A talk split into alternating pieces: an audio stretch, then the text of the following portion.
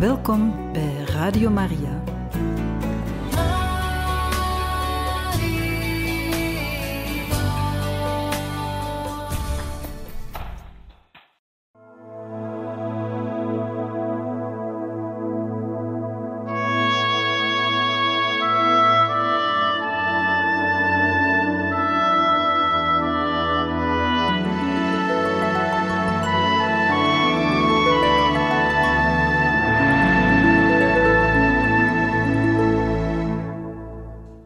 Bezoek van koningin Capiolani en prinses Liliuokalani, juli 1884. Tijdens de parlementaire zitting bleef lepra op de agenda staan. De latere president Sanford Dole, toen nog leider van de Blanke Planters, bracht een motie van wantrouwen in tegen Gibson, omdat die overheidsfondsen verkwiste. Al het geld gaat naar de Melaatse, vond de zakenman. Gibson overleefde de motie, maar wist dat, als zij het wilde halen, hij meer zusters nodig had. Hij vroeg om versterking, al was moeder overste nog steeds niet op Molokai geweest. Prinses Liliuokalani kwam wel, en dit voor de tweede maal. Deze keer was ze vergezeld van de verlegen koningin Capiolani. Ze wilde persoonlijk de eerste kledingstukken aan de Melaatse schenken. Die waren betaald met de opbrengst van een liefdadigheidsfeest in de tuin van Iolani. Voor hen staan de dames die lid waren van Holulahui, de moederschapsvereniging, hadden de jurken, broeken en hemden genaaid. Kakako kon wat de koningin betrof deze keer wachten. Lilio Calani schreef Damiaan dat ze nog steeds zijn, waarschijnlijk religieus, boek gebruikte. De leproserie had opnieuw amper de tijd om zich op het koninklijk bezoek voor te bereiden. Toch stonden er enkele erebogen toen de kleine stoomboot Wayamola op 22 juli 1884 tegen de middag in zicht kwam. Na de lunch stapten de koningin en de prinses, John O. Dominis en dokter Arning, de eigenaar van de boot en enkele dignitarissen, aan land. De patiënten riepen: Aloha Kali, leven de Ali. De koninklijke gasten antwoordden: Aloha Uku, liefde voor jullie allen. Damian en Albert begeleidden de groep naar Alberts huis, waar op de lanai, op het terras, stoelen klaar stonden. Capiolani was recht voor de vuist in haar welkomstreden. Citaat. Ik hoorde over zoveel miserie, mijn lieve mensen die wegtrok, die weggetrokken bent uit al wat jullie lief is. Ik wil persoonlijk jullie woningen inspecteren, met iedereen apart spreken, met mijn eigen ogen zien in welke toestand jullie leven. Ik wil verslag uitbrengen bij de koning over jullie behoeften. Einde citaat. Ze had kleren bij zich en zei: Pater Damiaan, mijn trouwe vriend, die ik echt bewonder, zal ze uitdelen aan wie om kleren vraagt. Einde citaat. Daarna stonden verschillende mannen op. Ze hadden klachten over voedsel, woningen en eenzaamheid, maar vooral over het gebrek aan medische verzorging. Uiteindelijk nam Ambrose het woord. De mooie huizen, zei hij, waren eigendom van de rijke Melaatse. De armen leefden in lekke optrekjes. Hij vroeg de koningin te pleiten voor huizen en voor een waterleiding naar Kalaupapa, want het dorp had alleen brakke bronnen. Hij was bezig het harde, ondringbare, zilte water te beschrijven toen een klein meisje van zowat drie jaar zich door de massa naar voren werkte. Ze stak haar hoofd tussen de benen van de spreker en hield zijn enkels vast. Papa, papa, riep ze. Hij nam het kind op en sloeg haar armen rond zijn hals. Plotseling hield Ambrose het niet meer. Met stokkende stem Het kind stevig in zijn armen gedrukt, zei hij: Majesteit, Uwe Hoogheid, dit is een niet-Melaats kind. Er zijn hier gezonde kinderen, geboren uit Melaatse moeders. Moeten ook zij het slachtoffer worden van de dodelijke plaag die hun moeders getroffen heeft? Of kunnen zij gered worden? Ik vraag Uwe Majesteit voor een home voor dit kind en voor anderen als zij, waar ze verzorgd en opgevoed kunnen worden, in de hoop dat zij geen slachtoffer worden van deze plaag. Capiolani stond bevend op en stapte de trappen van de lanai af. Bleek stond de kleine vrouw op de onderste trap. Ze stak haar handen uit. Geef me het kind, zei ze. Ze omhelsde het en herhaalde alsmaar: Een mooi kind, een mooi kind. Ik wil de moeder leren kennen. Waar is ze? Einde citaat. Ambroos wees naar een vrouw die achteraan zat. Capiolani stapte op haar af. Aanvaard je dat het kind van je weggenomen wordt? Vroeg ze. Wil je dit mooie kind verliezen om het te vrijwaren voor de plaag? Einde citaat. Ze gaf het meisje aan haar moeder en fluisterde hees: Zorg goed voor het kind. Als het hoom klaar zal zijn, laat haar dan gaan. Poekoe poekoe kon alleen maar knikken. De koningin stapte waardig terug naar de lanai, haalde diep adem en kondigde dan aan: Ik ben blij dat ik gekomen ben. Maar we hebben ook werk in Honolulu. Laat ons nu aan de ronde van jullie huizen beginnen. Einde citaat. De koninklijke dames gingen elk huis binnen, spraken ongedwongen met iedereen en aanhoorden de klachten. Velen weenden toen de koningin hem vroeg wat de problemen waren. En Lidio Calani noteerde alles, want er was diep verdriet. Als het de Ali te veel werd, vroeg Ambrose of ze wilde stoppen. Maar de koningin antwoordde telkens weer: We moeten dit afmaken. Ze gingen zelfs tot bij de grotbewoners in de Kauhako-krater kijken. Ze bezochten het hospitaal, zaten in kleermakerszit bij de patiënten die op een mat op de grond lagen en gaven hun aloha. Het sterfhok was voor Capiolani te veel. Geen liefde kan verantwoordelijk zijn voor deze onmenselijkheid tegenover de lijdende naaste, zei ze. En ze eiste Vandaag wordt dit hok gesloten. Einde citaat. De winkelwaren werden geïnspecteerd. De edele dames vonden de natte zalf oneetbaar. Het brood was slechter dan wat gevangenen op Oahu kregen en de suiker was zwart uitgeslagen. Het slachthuis kreeg hun goedkeuring, maar alleen de huizen in Iliopie langs de baai van Kalaupapa waren in orde. Het onderzoek verliep uiterst grondig, want de Ali gingen zelfs de vallei van Wakulu in, waar ze de stroom waarvan het water naar Kalaupapa gebracht kon worden, inspecteerden. Tijdens het souper drong dokter Arning bij de koningin aan. Ze moest druk uitoefenen op de zusters om naar Kalawao te komen. Er is een klooster nodig, zei Capiolani, en ze dacht aan haar familielid. Van Giezen moet morgen beginnen. Einde citaat.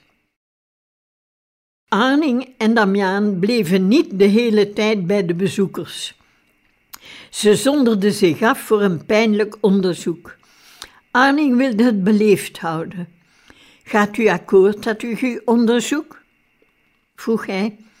Hij nam enkele stalen van leproma's en bevestigde de lepra die hij al in maart had vastgesteld. Om het kil en wetenschappelijk te houden, stelde de arts enkele vragen over de mogelijke besmetting en het verloop van de ziekte. Onopvallend zocht hij ook naar syphilis-chankers. Arning onderzocht ook alle kinderen.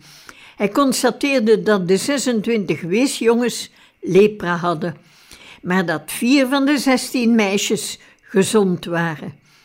Damiaan mocht geen meisjes onderzoeken. Lilio Calani's scherpe rapport kwam voor het parlement. Aan Damiaan stuurde Capiolani een lijst met wensen van patiënten die ze genoteerd had. Ze vroeg de priester om van huis tot huis te gaan om nog eens te noteren wat de mensen nodig hadden. Of het nu een steunband voor hun hernia was of de ketel waar ze van droomden. Damiaan raadde aan om voor iedereen afzonderlijk een pak te maken, om jaloezie of ruzie te vermijden. In september werden 408 Aloha-pakketten opgestuurd. 250 waren nog in de maak. Terwijl hij van huis tot huis ging, merkte Damiaan op hoe moeilijk de kokoas het hadden en vroeg ook voor hen een nieuwe set kleren.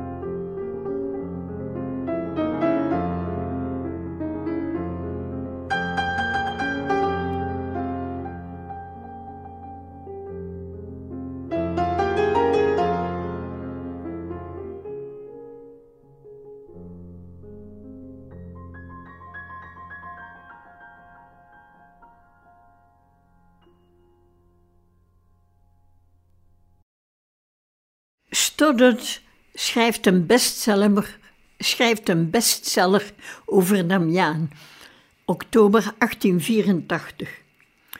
Ondertussen begon in Honolulu de retraite.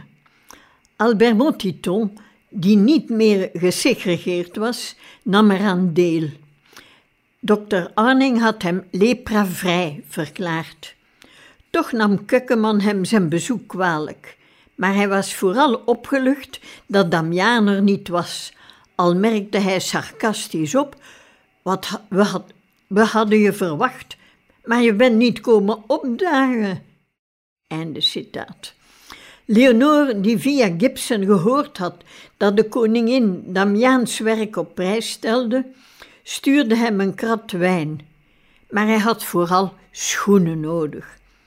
In de herfst van 1884 was Damiaans probleem van Giezen. Deze was op vraag van moeder Overste moeten vertrekken en werd als een moeilijk man afgeschreven. Voor een deel zal het zijn karakter geweest zijn, voor een deel ook zijn teleurstelling, omdat hij ondanks alle inspanningen uitgestoten werd en omdat hij het stigma droeg van vijand van de zusters. De hele leproserie was ervan overtuigd dat de zusters niet zouden komen zolang hij op Molokai verbleef. Dus moest hij weg.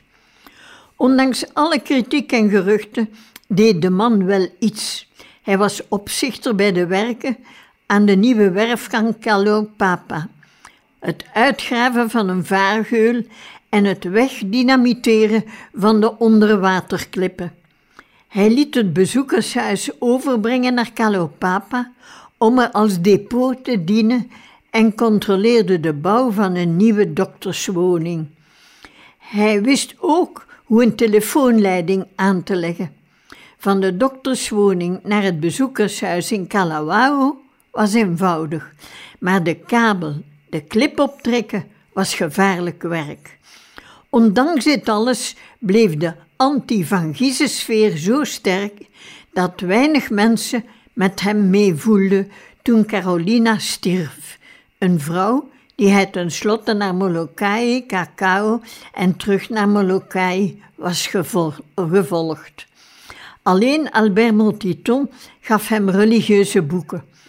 Ze helpen me bij mijn verdriet, zei de weduwnaar als dank.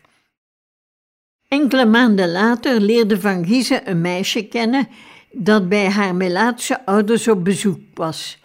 Hij nodigde haar opnieuw uit en nu had concurrent Ambrose Hutchison een reden tot klacht, want ze was illegaal.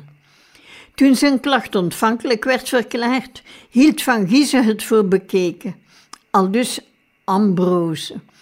Hij verliet de leproserie als een woedende man. In de andere versie speelt Damian een rol. Hij schreef aan Capiolani citaat, Van Giezen is geen vader voor het leidende volk. Hij is een huurling. Als hij weigert een huis voor de zusters te bouwen, dan moet de voorzitter van de gezondheidsraad hem een andere opdracht geven. Ik wil het zelf bouwen. Einde citaat. Toen Damiaan van Giezen vertelde wat hij geschreven had, werd hij zo kwaad dat de vuster aan de koningin schreef hij moet uitgewezen worden. Ik heb zijn zaak aan de raad gerapporteerd en ze zullen het waarschijnlijk doen. Einde citaat. Capiolani antwoordde met koninklijke waardigheid: Wat de Haole betreft, die zo gemakkelijk uit zijn krammen schiet, het is beter dat hij weggaat en u in vrede laat. Ik heb de zaak aan de competente autoriteiten overgemaakt en ze zullen waarschijnlijk de nodige maatregelen treffen. Einde citaat. Damiaan moest nog weten dat hij met elk probleem bij de koningin terecht kon.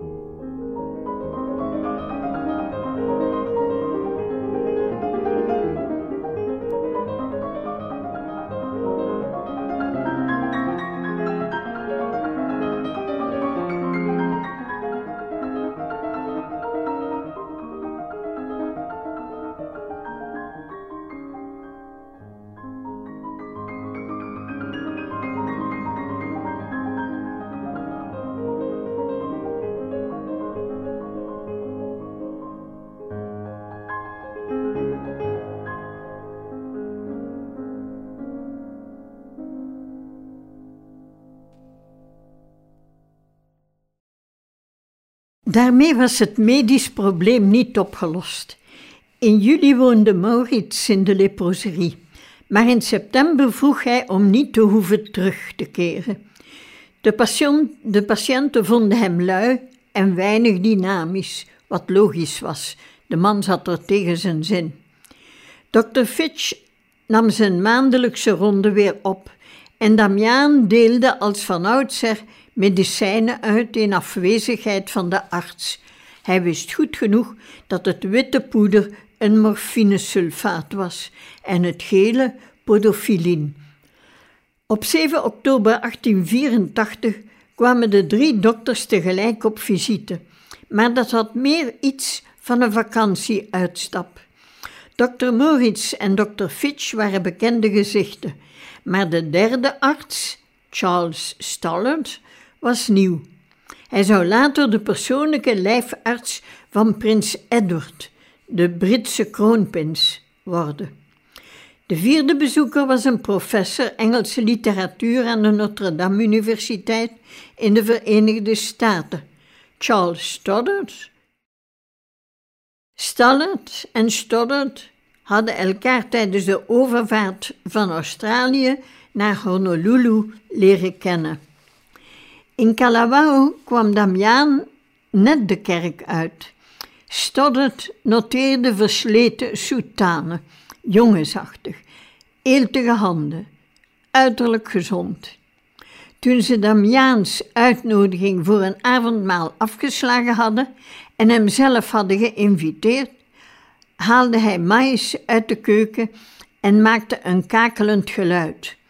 Kippen kwamen van alle kanten aangefladderd en gingen op zijn armen, schouders en hoofd zitten. Hij vatte er één en bracht die naar de keuken. Dat was zijn bijdrage voor het souper. Die avond zaten ze tot laat te praten in het doktershuis. Over de wet van Mozes, die Melaatse onrein had genoemd, en Damiaan over zijn jeugd en over het asiel. De twee dokters gingen aan het werk terwijl de bezoekers met Damiaan hutten bezochten. De populariteit van de Veuster, die trouwens net geschenken van de koningin had uitgedeeld, dat wisten ze niet, viel hun op. Overal werd hij hartelijk onthaald. De professor noteerde de klassieke horrormomenten. Een jongen waaierde zijn vriend, een hoopje ellende, onder een deken wat koelte toe. Stoddard zag een oog als een gebarsten druif en een tong die als een vijg tussen de weggevreten lippen lag. Het was of er schimmel kleefde op het glazige, gezwollen gezicht. Naast het stervende kind speelden vier patiënten kaart.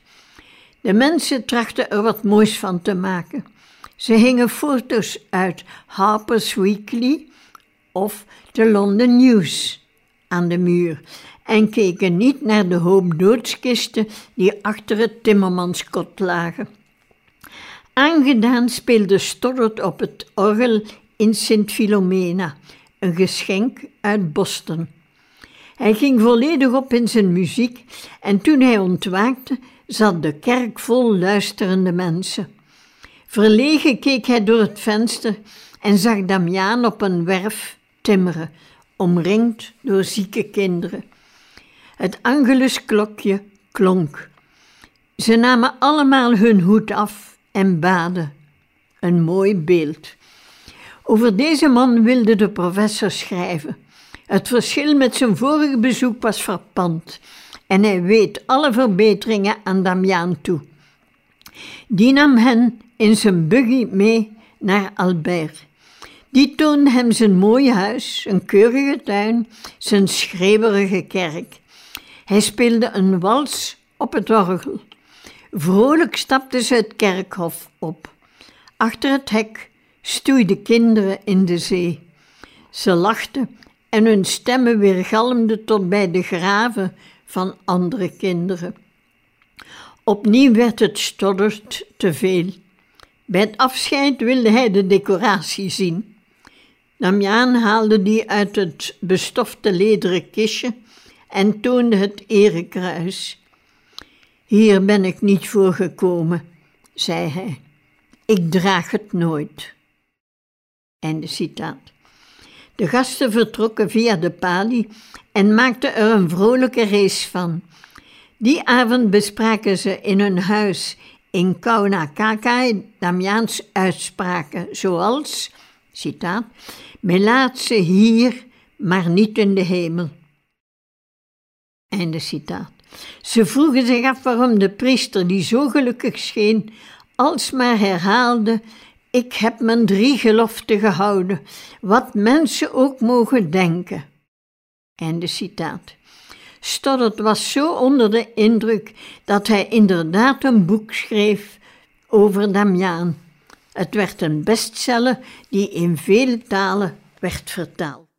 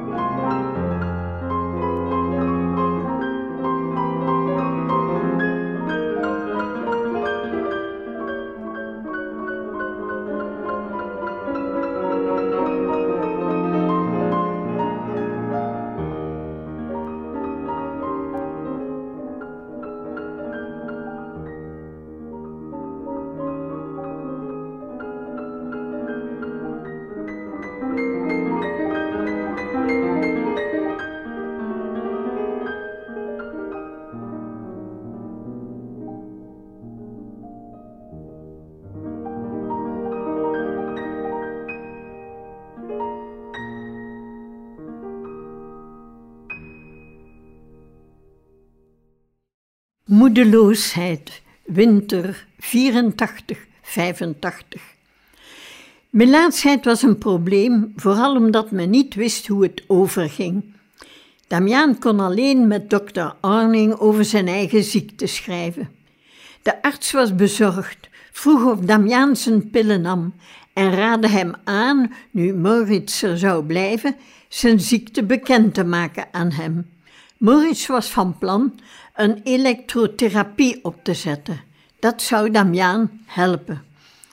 Citaat: Ik heb elke dag de arsenicumpillen genomen, antwoordde Damiaan. Ik was er een paar weken mee gestopt, want mijn voet was helemaal rood geworden, maar ik ben opnieuw begonnen. Het maakt eigenlijk geen verschil uit. Ik blijf goed gezond ik kan nauwelijks wachten op elke dag elektriciteit toe te passen, zo gauw de machine in orde is. Dokter Moritz zal me helpen de vooruitgang van deze ongeneeslijke ziekte tegen te gaan. Einde citaat.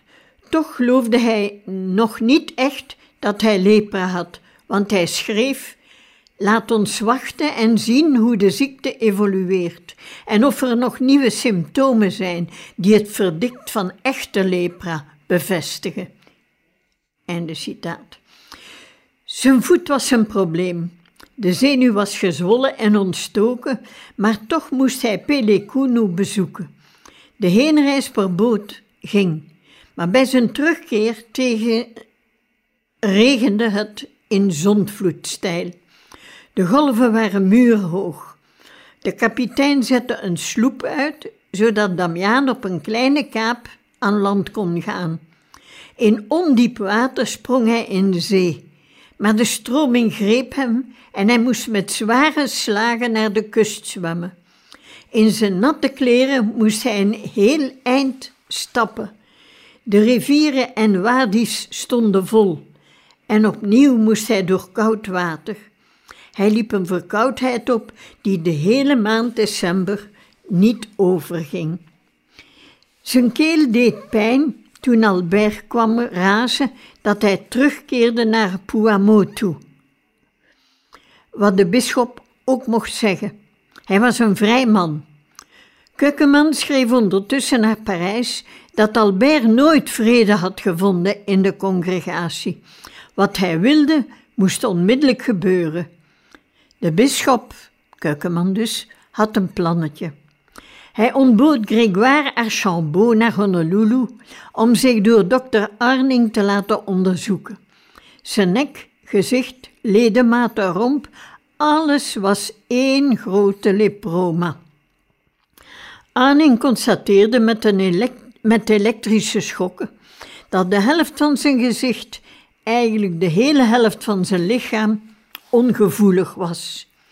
Grégoire al dus Arning, had al zeker tien jaar lepra en moest verbannen worden. De oude man aanvaarde zijn lot gelaten. Hij moest Gods wil volgen. Maar de volgende dag weende hij lang en luid en kreeg een astma-aanval. Kukkeman vreesde lepra in huis te krijgen en toonde zijn afstandelijk medelijden. Hij droeg nu zelfs in zijn kantoor de rubberen handschoenen die hij per dozijn bij Goodyear in San Francisco bestelde. Hij moest beslissingen nemen nu Albert niet melaats was en Grégoire wel. Hij kon ze van plaats doen wisselen, maar André en Albert samenzetten, dat was vragen om moord. Albert Motiton kon geen paard meer rijden en dus bleven alleen Honolulu en Lahaina over. Bisschop Kukkeman weigerde hem in zijn buurt te nemen. Omdat hij geen oplossing zag, liet hij Albert voorlopig in Calopapa. De dag dat Grégoire als vrijwilliger zou vertrekken, stortte hij in. In Calopapa was hij opnieuw gelaten. Mijn leven ligt in de handen van God verzekerde hij Albert en Damiaan. Damiaan troostte hem, want hij had een goede lotion en als dokter Moritz het goed vond, zou hij hem wat arsenikumpillen geven. Daar voelden velen zich goed mee. Toen barstte Grégoire in snikken uit, want de andere paters beschuldigden hem vanwege zijn ziekte. Damiaan sprak dat tegen, maar het hielp niet. De man was indroevig en ook al hysterisch. Damiaan zag het zelf niet zitten. De zenuw in zijn knie was aangetast. De ziekte zette haar opmars voort. Juist toen kreeg hij een pijnlijke brief van dokter Fitch. De Californische arts had het bevel tot ontslagname gekregen, met als reden weigering van loonopslag. De patiënten op Molokai stuurden een petitie om hem te behouden, want Fitch had het meest voor hen gedaan. Maar hun verzoek werd genegeerd. Veel geruchten deden de ronde. De Kanaka en Kakako zouden hem wel weggewild hebben, omdat hij te omslachtig te werk ging. De zusters zouden hem slordig en nonchalant gevonden hebben, en vooral hoogvaardig. Kukkeman en Fouesnel moesten niet van deze overtuigde protestant weten. Een rapport spreekt over 10.000 dollar die door Gibson beloofd werden aan Kukkeman, maar meer is daarover niet geweten. Feit is dat na Fitch's vertrek de bisschop Kukkeman het klaarspeelde om zijn loon over te hevelen naar de zusters. Er was ook de kwestie van dokter Arning. Die had Fitch twee patiënten gevraagd om op te experimenteren en Fitch had dat geweigerd. Daarop vroeg Arning de Hawaïaanse regering om een ter dood veroordeelde te mogen vaccineren met lepra. Dit zou in isolement moeten blijven. Die zou in isolement moeten blijven tot hij of de ziekte ontwikkelde of gezond bleef. Wat er in het laatste geval met de man zou gebeuren, is niet duidelijk. Keanu, een reus van een vent, die een passionele moord had begaan, werd tot dit experiment bereid gevonden. In zijn cel in Lahaina vaccineerde Arning hem met lepra. Hij koos de techniek die voor pokken gebruikt werd. Hij maakte een insnede en deed er wat pus in. Keanu ontwikkelde de ziekte zo snel dat men vreesde dat hij lepra had voor hij gevaccineerd werd. Hij was ook een makkelijk slachtoffer, verzwakt als hij was door het isolement, het gebrek aan lichaamsbeweging en zonlicht en de slechte voeding. Moreel was hij een vod toen hij kort voor Damiaans dood kwam sterven op Molokai. De afscheidsbrief van Fitch aan Damiaan was heel emotioneel en moeilijk te lezen. Ik ben gebroken, schreef hij. Ik zal je nooit meer zien, mijn goede vriend, maar wees ervan verzekerd dat je in mijn geheugen ingeprent zal blijven als een juweel. Ik hoop van je te horen. Die arme stumpers tussen wie je leeft, hebben zoveel redenen om je toewijding te zegenen. Einde citaat. Fitch wilde nog langs het asiel komen, maar hij durfde de palie niet af. Zo gebroken voelde hij zich. Hij wilde Damian zien, maar moest ook geld ophalen. Henry Wright moest hem 150 dollar en ook Van Giezen had schulden uitstaan. Beide wilden niet terugbetalen.